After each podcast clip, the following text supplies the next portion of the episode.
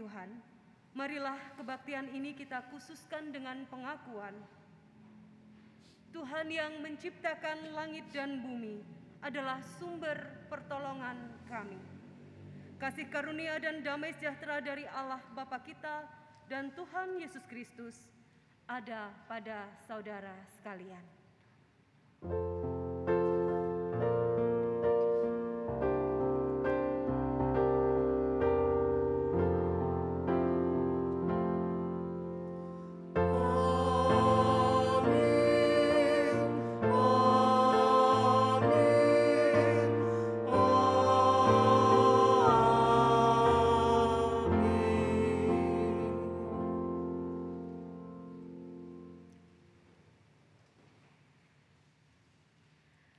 terkasih, kita mensyukuri jikalau pada sore hari ini Tuhan masih memperkenankan kita untuk dapat mengikuti ibadah baik secara onsite maupun secara live streaming.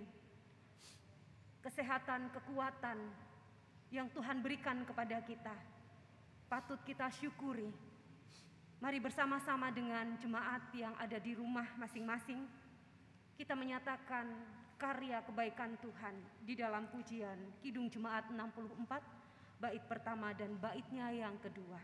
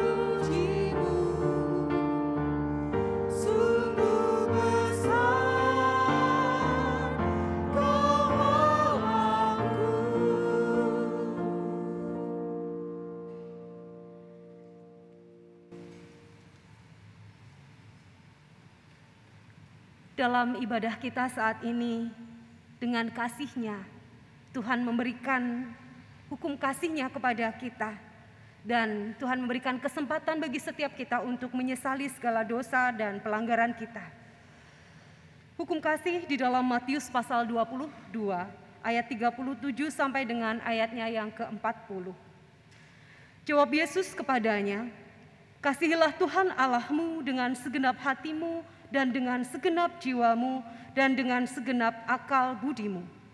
Itulah hukum yang terutama dan yang pertama.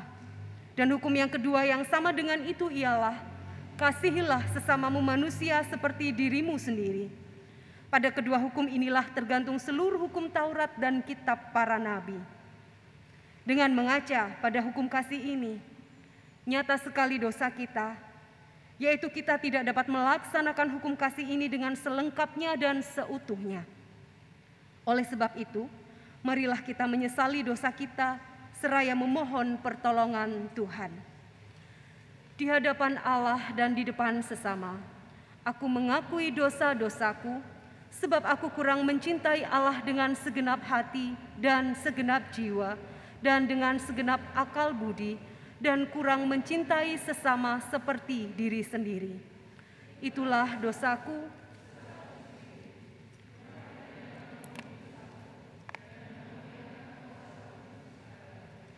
supaya aku dapat melakukan kehendak Tuhan. Bagi setiap kita yang menyesali dengan kesungguhan hati segala dosa dan pelanggaran kita, Allah dengan kasihnya memberikan anugerahnya kepada kita di dalam 2 Tesalonika pasal 2 ayat 16 dan ayatnya yang ke-17. Berita anugerah dan petunjuk hidup baru diambil dari 2 Tesalonika pasal 2 ayat 16 dan 17. Dan ia, Tuhan kita Yesus Kristus dan Allah Bapa kita yang dalam kasih karunia-Nya telah mengasihi kita dan yang telah menganugerahkan penghiburan abadi dan pengharapan baik kepada kita. Kiranya menghibur dan menguatkan hatimu dalam pekerjaan dan perkataan yang baik.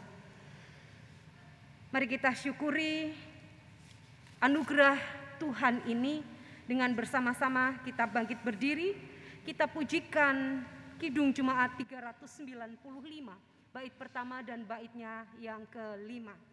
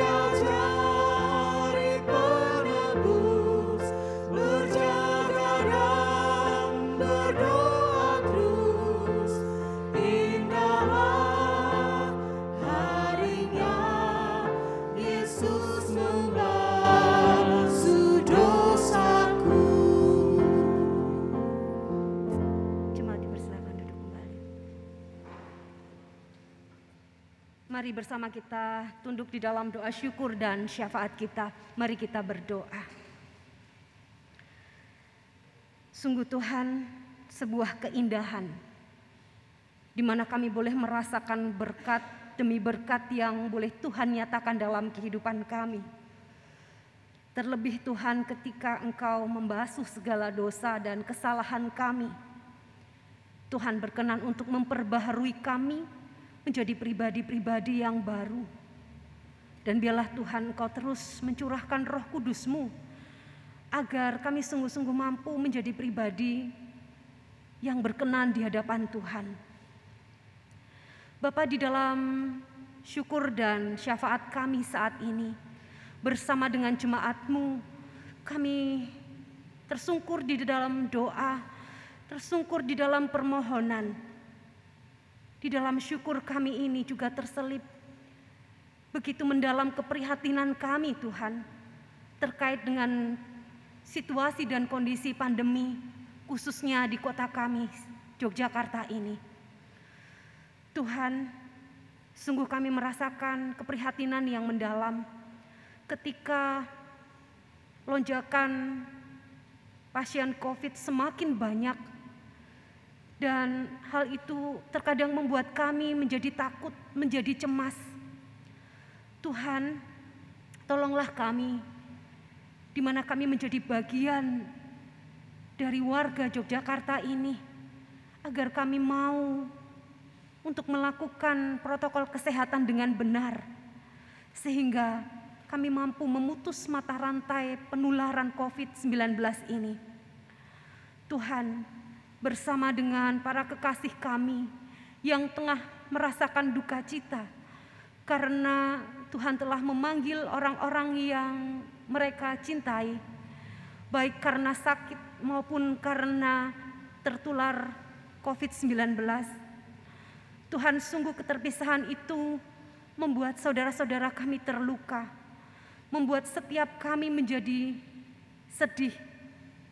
Biarlah Tuhan, Engkau sendiri sang sumber penghiburan, boleh menyatakan penghiburan Tuhan yang nyata, sebagaimana Tuhan berjanji kepada setiap kami, berbahagialah Engkau yang berduka cita, karena akan mendapatkan penghiburan dari Tuhan.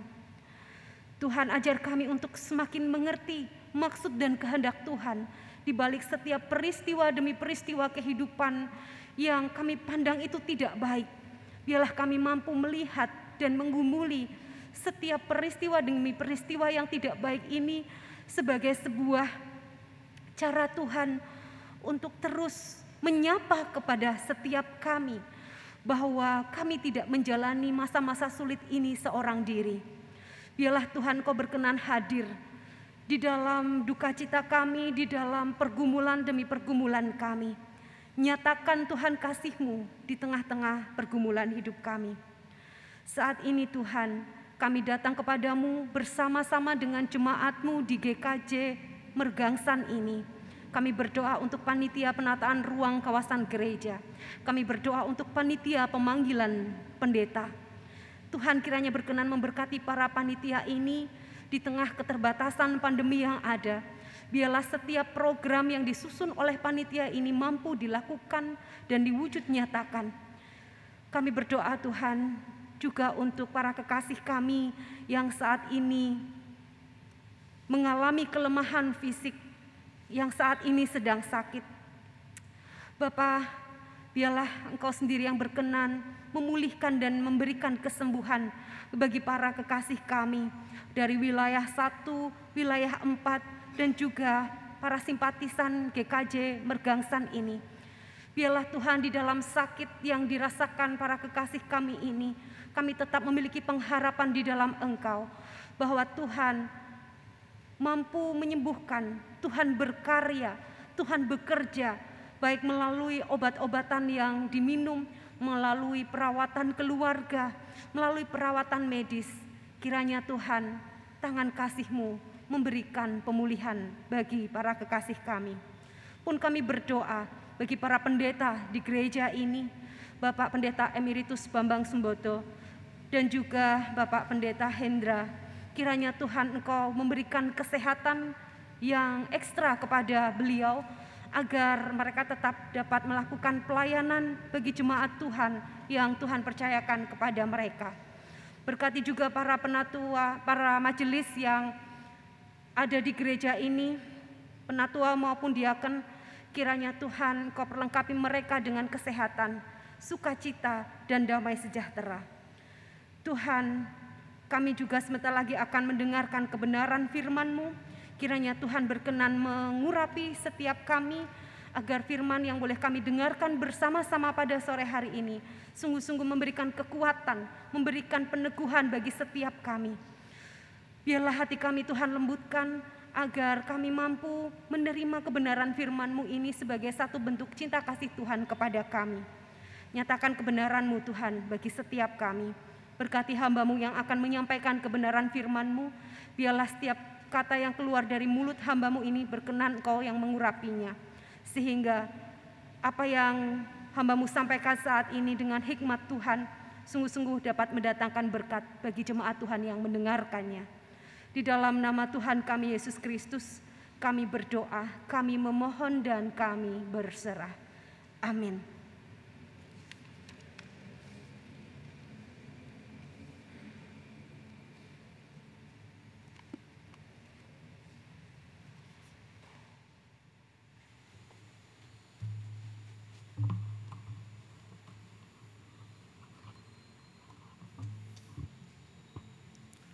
Bacaan pertama terambil dari 2 Samuel 1 ayat 1 dan disambung dengan ayat 17 sampai dengan yang ke-27.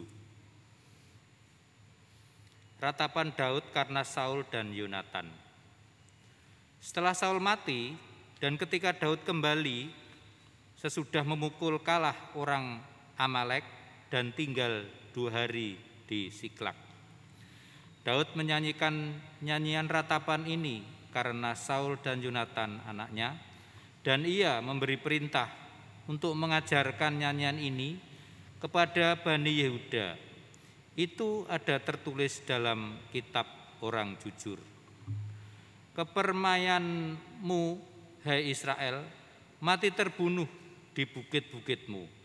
Betapa gugur para pahlawan. Janganlah kabarkan itu di Gad. Janganlah beritakan itu di lorong-lorong Askelon, supaya jangan bersuka cita anak-anak perempuan orang Filistin, supaya jangan beria-ria anak perempuan orang-orang yang tidak bersunat. Hai gunung-gunung di Gilboa, jangan ada embun, jangan ada hujan di atas kamu. Hai padang-padang pembawa kematian Sebab di sanalah perisai para pahlawan dilumuri, perisai Saul yang tidak diurapi dengan minyak. Tanpa darah orang-orang yang mati terbunuh dan tanpa lemak para pahlawan panah Yonatan tidak pernah berpaling pulang dan pedang Saul tidak kembali dengan hampa. Saul dan Yonatan, orang-orang yang dicintai dan yang ramah, dalam hidup dan matinya tidak terpisah. Mereka lebih cepat dari burung raja wali, mereka lebih kuat dari singa. Hai anak-anak perempuan Israel, menangislah karena Saul yang mendandani kamu dengan pakaian mewah dari kain kirmisi yang menyematkan perhiasan emas pada pakaianmu. Betapa gugur para pahlawan di tengah-tengah pertempuran. Yonatan mati terbunuh di bukit-bukitmu. Merasa susah aku karena engkau, saudaraku Yonatan, engkau sangat ramah kepadaku. Bagiku, cintamu lebih ajaib daripada cinta perempuan. Betapa gugur para pahlawan dan musnah senjata-senjata perang. Demikianlah sabda Tuhan. Syukur kepada Tuhan. Bacaan Injil diambil dari Injil Tuhan Yesus Kristus menurut Markus pasal 5 ayat 21 sampai dengan 43. Injil Markus pasal 5 ayat 21 sampai dengan ayatnya yang ke-43.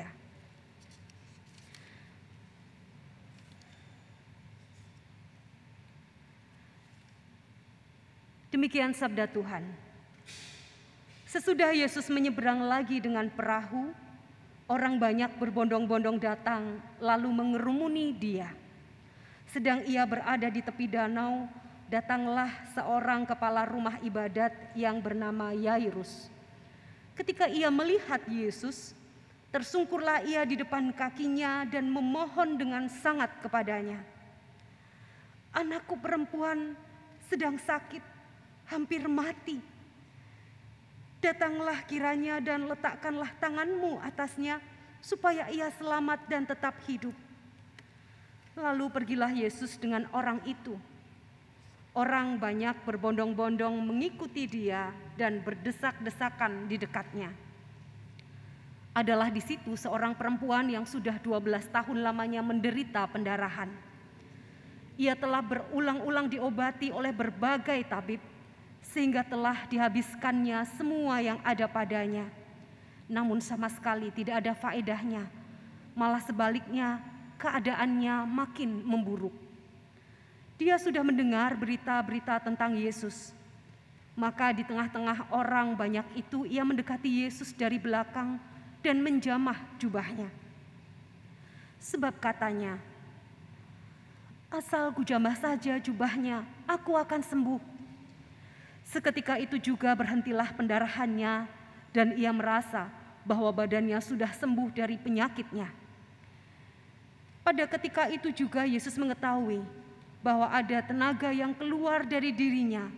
Lalu ia berpaling di tengah orang banyak dan bertanya, "Siapa yang menjamah jubahku?"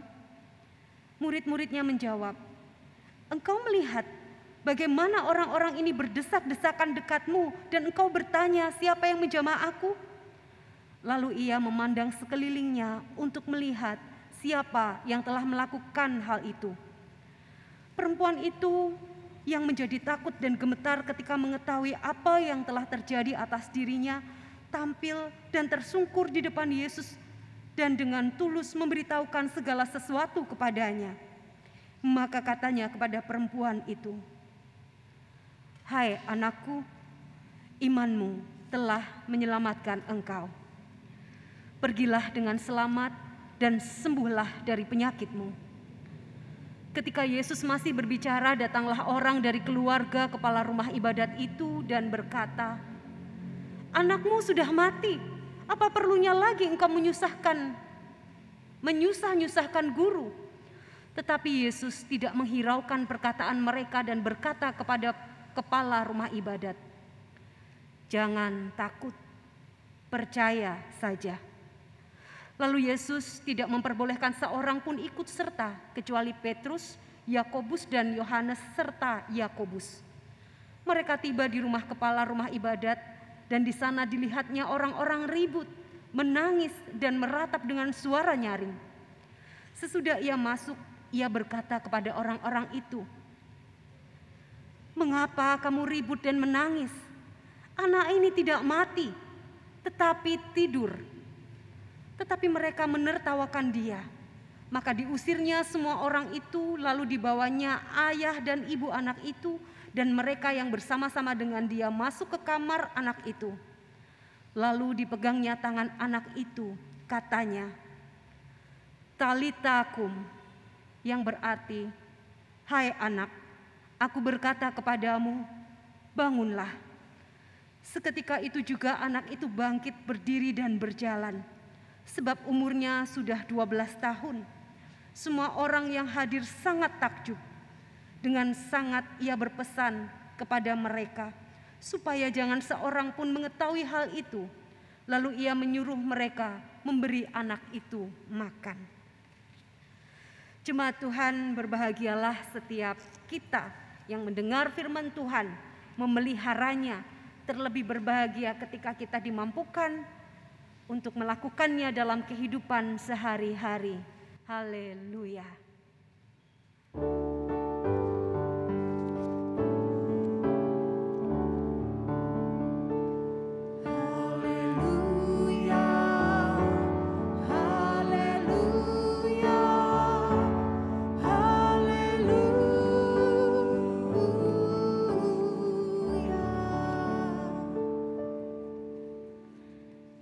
Shalom jemaat yang ada di gedung gereja. Shalom juga jemaat yang ada di rumah masing-masing. Ya, seperti biasa, saya itu kalau khotbah di sini kok seneng nyanyi ya. Dan saya ingin mengajak kebetulan di sini yang hadir di gedung gereja banyak anak mudanya nih. Pasti dong kenal lagunya The Massive ya. Uh, kita mau nyanyi lagu The Massive. Bapak Ibu yang ada di rumah mungkin bisa melihat Apakah multimedia sudah ini Mas Novi tadi? Multimedia sudah bisa menayangkan syairnya? Oh iya. Ya, ini ada syairnya. Bapak Ibu yang ada di rumah bisa melihat kata setiap syairnya di sini. Ya, saya akan dibantu Mbak Lilis untuk menyanyikan lagu ini yang bisa di sini menyanyikan lagu ini mari kita menyanyikan bersama-sama begitu ya. Judulnya Jangan Menyerah.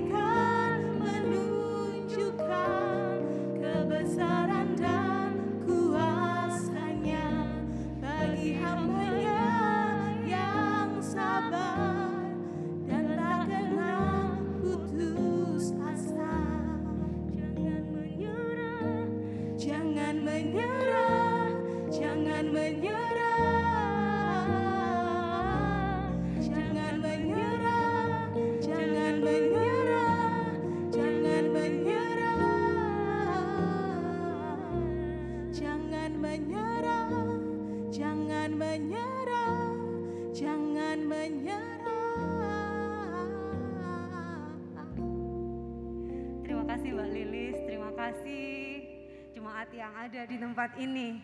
Ya, Bapak Ibu Saudara, kenapa kok saya ingin mengajak kita bersama-sama menyanyikan lagu yang dipopulerkan oleh The Massive ini. Bapak Ibu Saudara, kalau kita lihat akhir-akhir ini, terlebih di masa pandemi ini, ada begitu banyak orang seolah ingin menyerah dengan hidupnya seolah sudah tidak berdaya lagi dengan keadaan seperti sekarang ini. Semuanya serba sulit, semuanya serba susah. Sekolah susah, bekerja susah, mendidik anak susah, begitu. Semua serba sulit.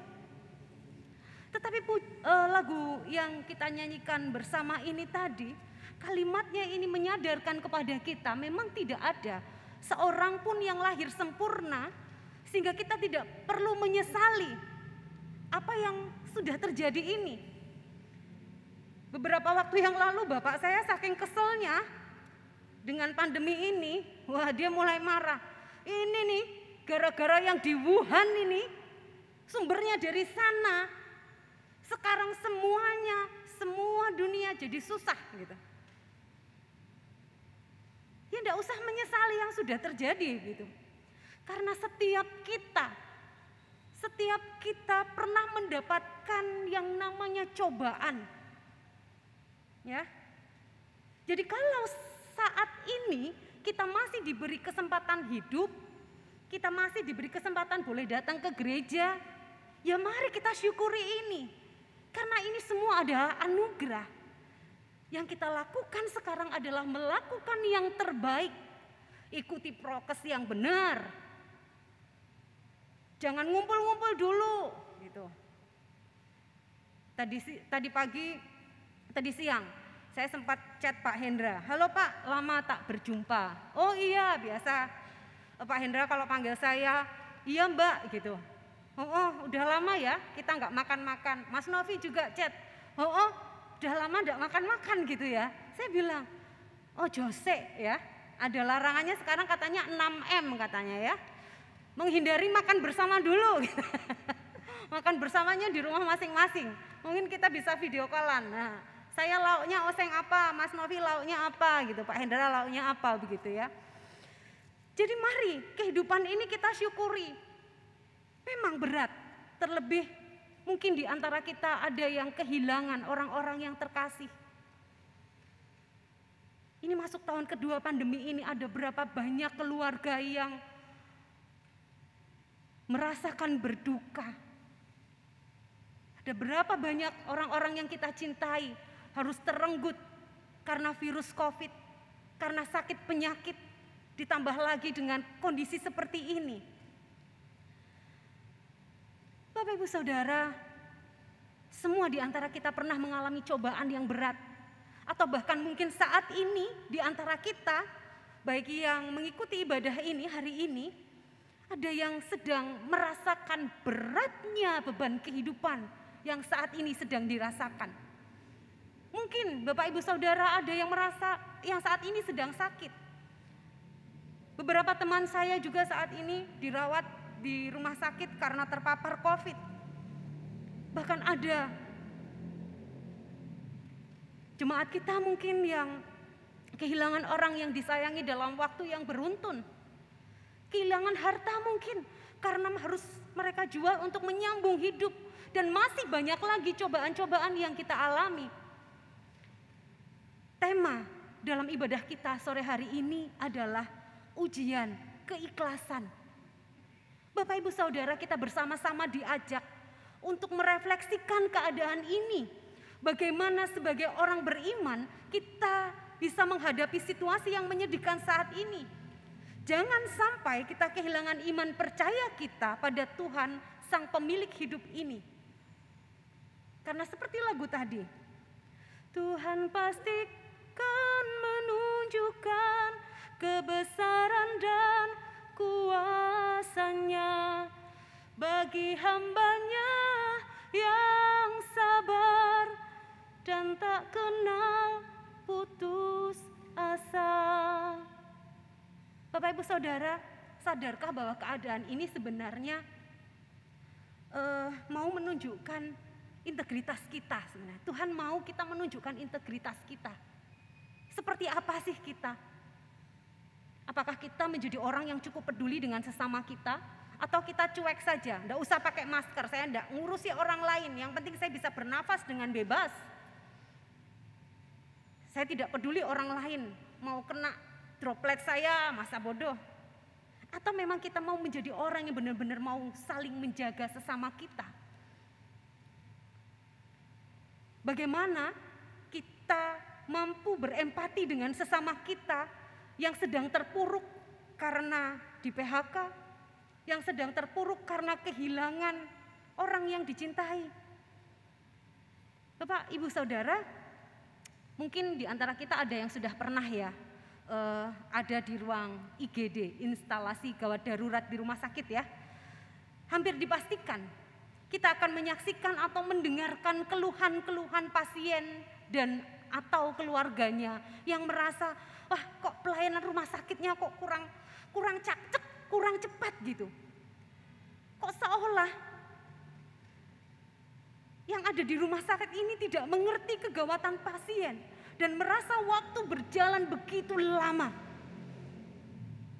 Pada umumnya setiap orang yang sedang dalam kondisi sakit, apalagi dalam keadaan kritis, tentunya pengen supaya bisa segera tertangani Seolah-olah dirinya dan anggota keluarganya saja yang paling genting dan harus didahulukan untuk mendapatkan pelayanan. ingin didahulukan ini sejajar dengan orang yang sedang dalam kesusahan. Seolah hanya dirinya saja, orang yang paling menderita, orang yang paling malang. Oleh karena itu, perasaannya menjadi sensitif. Kalau bahasa anak-anak zaman sekarang, baperan, gampang tersinggung, gampang menyalahkan orang, atau mungkin menyalahkan pihak lain, dan juga lebih parahnya menyalahkan Tuhan. Dan tanpa sadar, kondisi seperti ini bukannya membuat keadaannya semakin baik, tetapi justru semakin terjerembab pada lembah nestapa. Nah, jemaat Tuhan, Injil yang kita baca hari ini mengajar kepada kita supaya kita bersama-sama mampu keluar dari sikap negatif ketika berada dalam keadaan sulit. Bacaan sore hari ini cukup panjang, dari ayat 21 sampai 43 yang menceritakan jalinan dua kisah orang-orang yang berada dalam sebuah situasi yang sulit bahkan kritis. Dan kedua pihak ini terlibat dalam tempat dan waktu yang hampir bersamaan. Satunya Yairus, dia seorang kepala rumah ibadat dia datang kepada Yesus di pantai Danau Galilea. Dia ngomong terus terang tentang keadaan anaknya. Yang satunya seorang perempuan yang tersingkir dalam ketidakberdayaan karena sakit pendarahan. Dia ingin mencari kesembuhan kepada Yesus. Dan cara dia meminta, dia tidak berani seperti Yairus. Secara terbuka datang langsung. Tetapi dia sembunyi-sembunyi karena dia dianggap najis kala itu. Dia berusaha untuk mendekati Yesus secara diam-diam. Dan kejadian itu, kedua kejadian itu terjalin. Tapi tampaknya juga keduanya saling menghambat. Tentu saja ini tidak disengaja ya, kisah dalam Injil ini. Bayangkan Bapak Ibu Saudara, kalau Anda ini sebagai Yairus, kalau Anda ini sebagai seorang ayah yang begitu mencintai putrinya. Putri putri Bapak Ibu Saudara sedang tidak berdaya, sedang sakit kritis. Dan satu-satunya harapan hanya pada Yesus. Dan Anda sudah mendapatkan Yesus. Dan Yesus bersedia untuk datang ke rumah Anda. Artinya apa? Bahwa ada harapan bukan? Lega, wah Yesus mau ke rumah saya untuk menyembuhkan putri saya begitu. Tetapi dalam kondisi kegentingan ini di tengah jalan ada seorang perempuan yang sudah 12 tahun lamanya dia sakit pendarahan. Dia sudah berusaha mencari pengobatan ke sana sini bahkan dikatakan di sini sampai habis banyak begitu ya. Mungkin uh, uangnya gitu. Dan perempuan ini menghambat menghambat kecepatan Yesus untuk sampai ke rumah Yairus. Ditambah orang banyak yang berbondong-bondong yang ada di sekeliling Yesus. Nah Bapak Ibu, Saudara, kalau Bapak Ibu Saudara menjadi Yairus, bisa jadi Bapak Ibu Saudara akan marah kan? Bisa jadi Bapak Ibu Saudara akan jengkel kan? Apalagi di tengah perjalanan yang terhambat itu, menurut catatan Markus 5 ayat 35 dikatakan seorang pegawai Yairus itu datang dan kemudian menyampaikan berita duka bahwa putrinya sudah meninggal. Karena itu dia mengajukan pertanyaan, apa perlunya lagi engkau menyusah-nyusahkan guru? Bapak Ibu Saudara selagi masih ada nyawa, selama itu masih boleh berharap. Dan Yesus dapat diminta dengan sangat supaya buru-buru datang. Dalam peristiwa ini Bapak Ibu Saudara, mungkinkah Yesus masih sempat menyembuhkan putrinya itu seandainya tidak ada perempuan yang menjamah jubah Yesus kala itu supaya disembuhkan? Sangat mungkin kan? Sangat mungkin andai kata Yesus tidak membuka dialog, tidak ngobrol sama perempuan yang sakit pendarahan itu, mungkin Putri Yairus masih keburu untuk ditolong. Ada penundaan. Lalu datanglah kematian itu. Bapak Ibu Saudara, apa yang kira-kira yang ada di benak kita ketika kita mencoba masuk dalam cerita ini? Apakah kita bisa mengatakan bahwa Tuhan datang terlambat dan harapan itu telah direnggut oleh yang namanya kematian. Ternyata tidak. Yesus sendiri meneguhkan supaya Yairus tidak gentar dan tetap percaya. Saudaraku, iman sangat dekat dengan harapan. Orang beriman adalah mereka yang selalu memiliki harapan di tengah situasi di mana sudah tidak ada lagi pengharapan bahkan kematian sekalipun. Iman berarti bahwa kematian pun tidak menghilangkan harapan bahwa Allah bukanlah Allah orang mati, melainkan Allah orang hidup. Markus 12 ayat 27. Dan Yesus berkata kepada perempuan itu, "Hai anakku, imanmu telah menyelamatkan engkau. Pergilah dengan selamat dan sembuhlah dari penyakitmu." Bahkan kepada Yesus, Yesus mengatakan satu benang merah yang sama juga. Jangan takut, percaya saja. Dan dengan sengaja Yesus mengaitkan iman yang dinyatakan di muka umum dan iman yang diminta di muka umum. Ya. Iman yang dinyatakan bahwa imanmu itu sudah menyelamatkan engkau. Jadi hai perempuan kamu sembuh. Dan Tuhan meminta iman itu dinyatakan dari objek yang akan Tuhan sembuhkan. Apa? Jangan takut. Jangan takut, percaya saja. Orang banyak yang melihat kekuatan iman itu langsung dipanggil juga bersama dengan Yairus untuk percaya kepada Yesus. Dan itu sudah cukup. Satu-satunya yang diperlukan percaya kepada Yesus. Itu cukup. Tidak ada tidak ada tidak ada lagi yang lain. Kepada perempuan itu Yesus mengatakan bahwa imannya telah menyelamatkannya. Dalam kasus anak Yairus, peranan iman itu dinyatakan Yesus sebelumnya. Percaya saja. Dari pernyataan Yesus jelaslah bahwa iman adalah faktor utama dalam menyelesaikan masalah yang tidak mudah. Iman itu meski berada di dalam diri seseorang, dia akan terlihat dari tindakan yang dilakukan orang itu.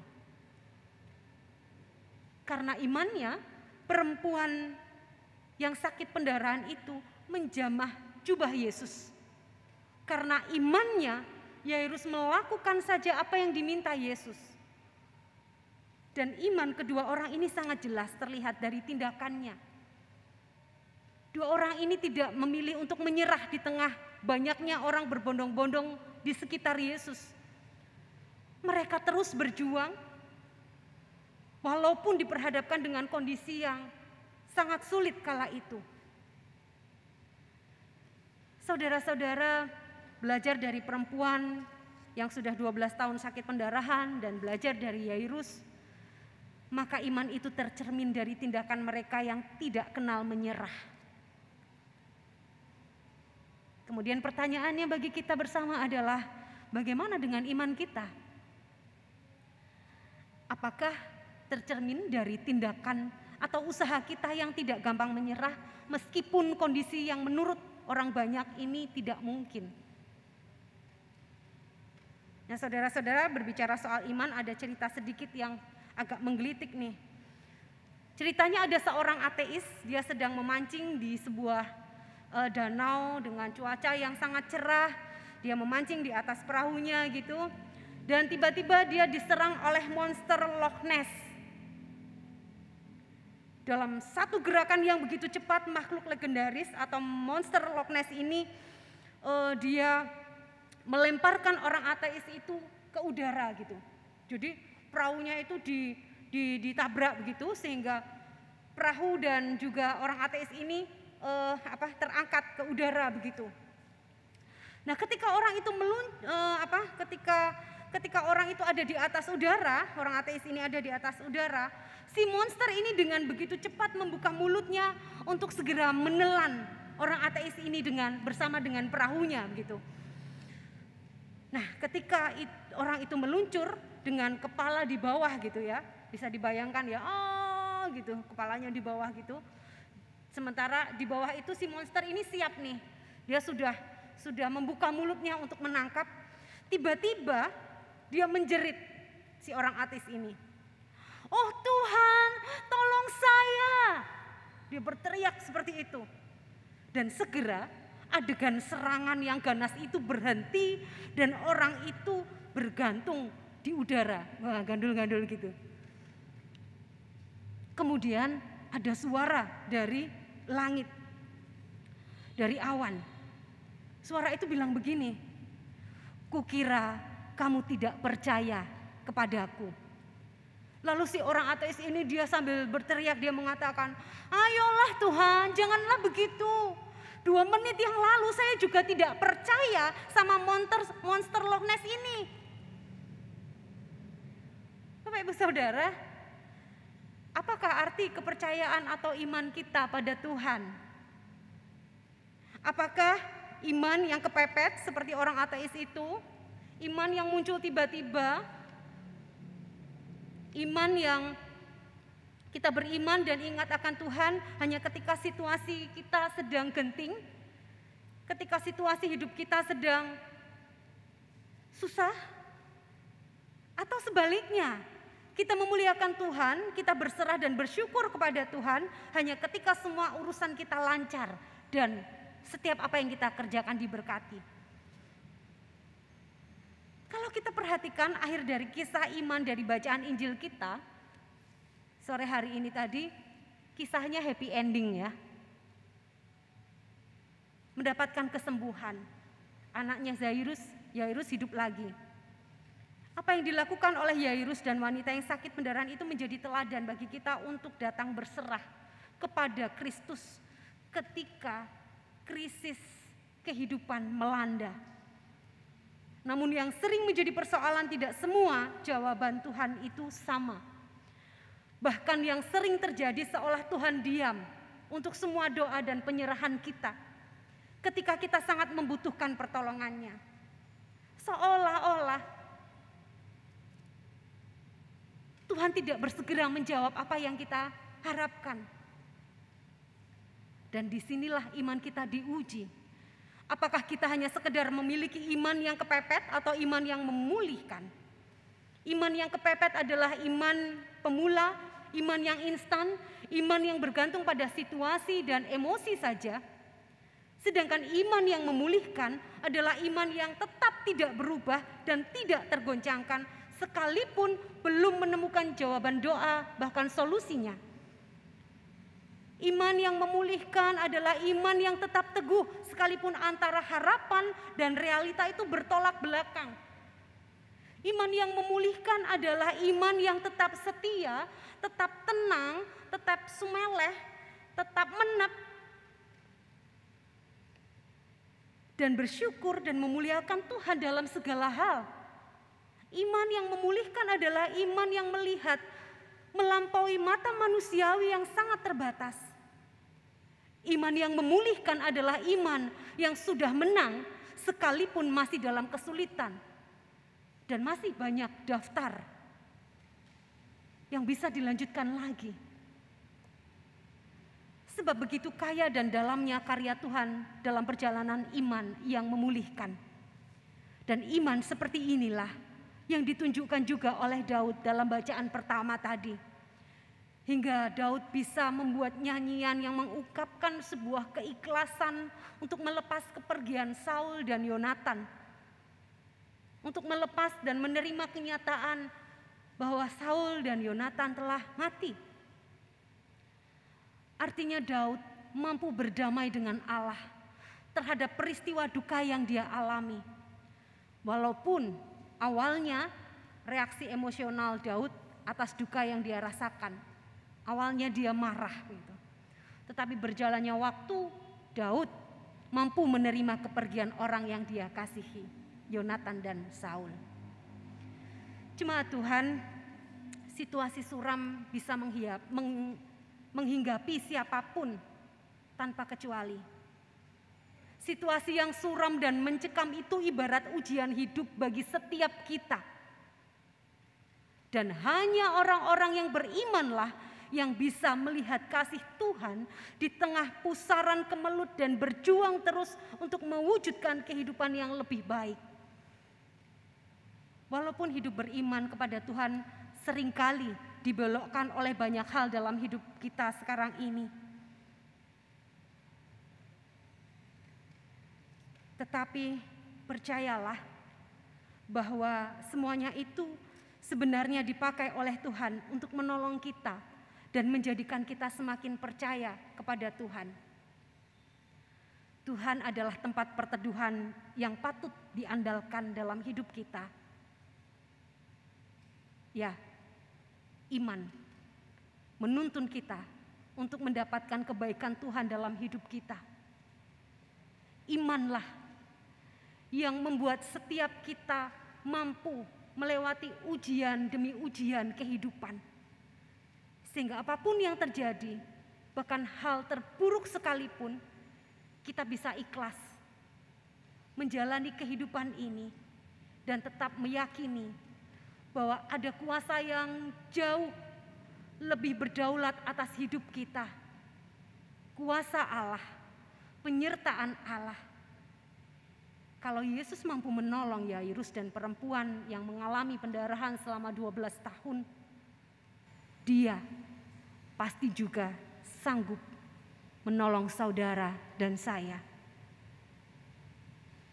Sekali lagi, jangan menyerah. Namun jalani dan syukuri kehidupan yang masih Tuhan percayakan kepada kita sebaik mungkin. Kiranya Tuhan menguatkan kita semua. Tuhan Yesus memberkati. Amin.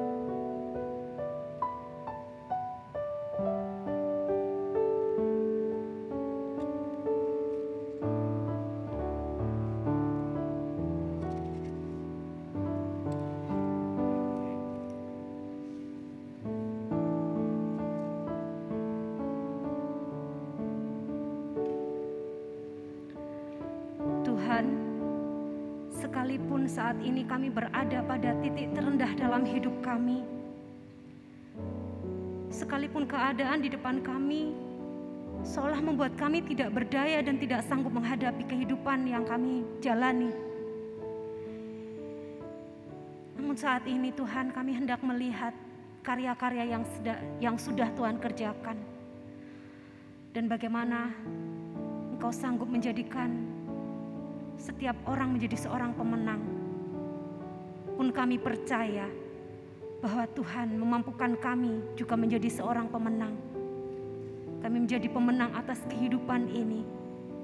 Sebab kami bersama-sama dengan Engkau, Sang Pemilik hidup kami. Kuatkan kami menjalani hari-hari kami. Tolong kami Tuhan, teguhkan kami hanya di bawah naungan kasih-Mu kami berlindung. Amin.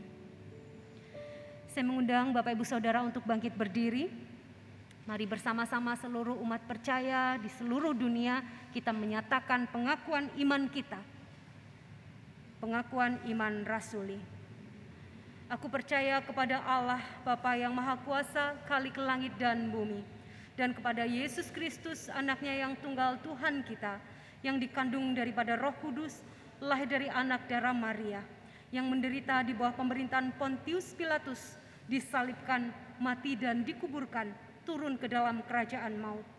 Pada hari yang ketiga, bangkit pula dari antara orang mati, naik ke surga, duduk di sebelah kanan Allah, Bapa yang Maha Kuasa, dan akan datang dari sana untuk menghakimi orang yang hidup dan yang mati. Aku percaya kepada Roh Kudus, gereja yang kudus dan am, persekutuan orang kudus, pengampunan dosa, kebangkitan daging, dan hidup yang kekal. Dipersilakan duduk.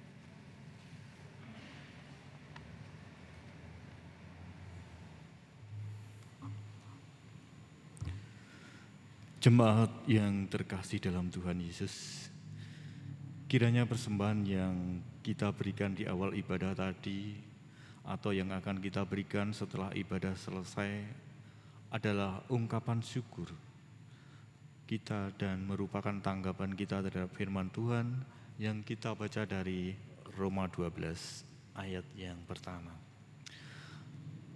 Karena itu saudara-saudara, demi kemurahan Allah, aku menasihatkan supaya kamu mempersembahkan tubuhmu sebagai persembahan yang hidup, yang kudus, dan yang berkenan kepada Allah itu adalah ibadahmu yang sejati. Tempat persembahan disediakan di depan pintu masuk. Nyanyian persembahan diiringi dengan Kidung Jemaat 357, 1 dan 2.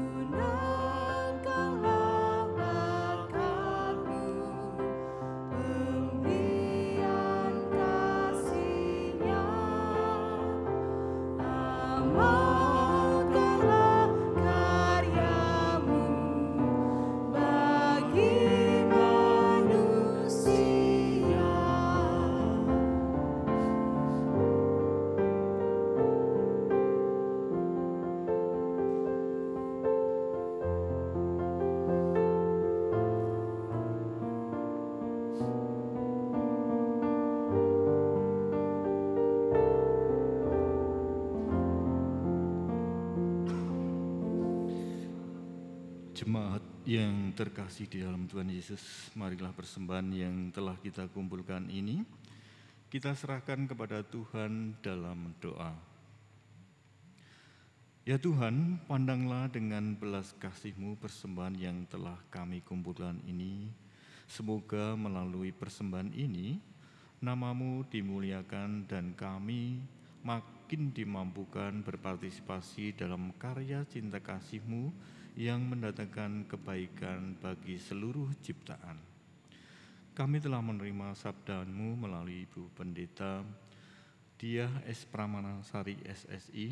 Mohon kiranya roh kudus membimbing kami, kami sekalian, sehingga sabda Kristus yang kekal menjadi suluh bagi kehidupan kami dan segala hal yang baik yang Bapa rindukan terjadi dalam kehidupan seluruh ciptaanmu dalam nama Tuhan Yesus yang telah mengajar kami berdoa, doa Bapa kami.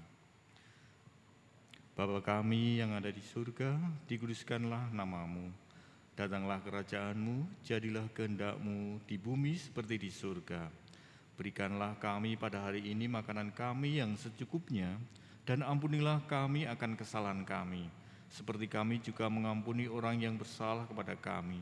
Dan janganlah membawa kami ke dalam pencobaan, tetapi lepaskanlah kami daripada yang jahat. Karena engkaulah yang mempunyai kerajaan dan kuasa dan kemuliaan sampai selama-lamanya. Amin.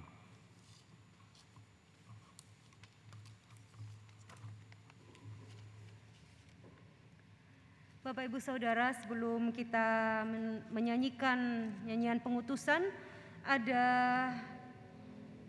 sedikit pemberitahuan atau pengumuman bahwa untuk mensikapi kondisi pandemi akhir-akhir ini dan memenuhi peraturan pemerintah, khususnya Gubernur Daerah Istimewa Yogyakarta, dengan ini diberitahukan sebagai berikut. Yang pertama, jemaat dimohon tetap mentaati protokol kesehatan dengan ketat dan selama ibadah berlangsung tidak membuka masker. Yang kedua mulai hari Minggu, hari ini tanggal 27 Juni, jumlah yang hadir dalam ibadah tatap muka di gereja Kristen Jawa Mergangsan dibatasi maksimal 150 orang. Uh, untuk Bapak Ibu Saudara yang mungkin jikalau ibadah sore sudah penuh, ada ibadah pagi yang bahasa Indonesia pukul setengah tujuh. Jadi mungkin supaya yang ingin uh, ibadah di secara onsite bisa uh, membagi waktunya begitu supaya yang di jam malam jam 18 atau jam 6 sore ini tidak terlalu penuh begitu. Dan yang terakhir majelis mohon maaf kepada jemaat dan pengunjung atau simpatisan yang terpaksa tidak bisa masuk untuk beribadah di gereja dan dipersilahkan untuk mengikuti ibadah secara online melalui YouTube atau channel GKJ Mergangsan. Terima kasih atas perhatian Bapak Ibu Saudara. Dan kini saya mengundang Bapak Ibu Saudara yang ada di rumah maupun di dalam gedung gereja untuk bangkit berdiri. Mari kita pujikan dengan sukacita Kidung Jemaat 379 yang mau dibimbing oleh Tuhan.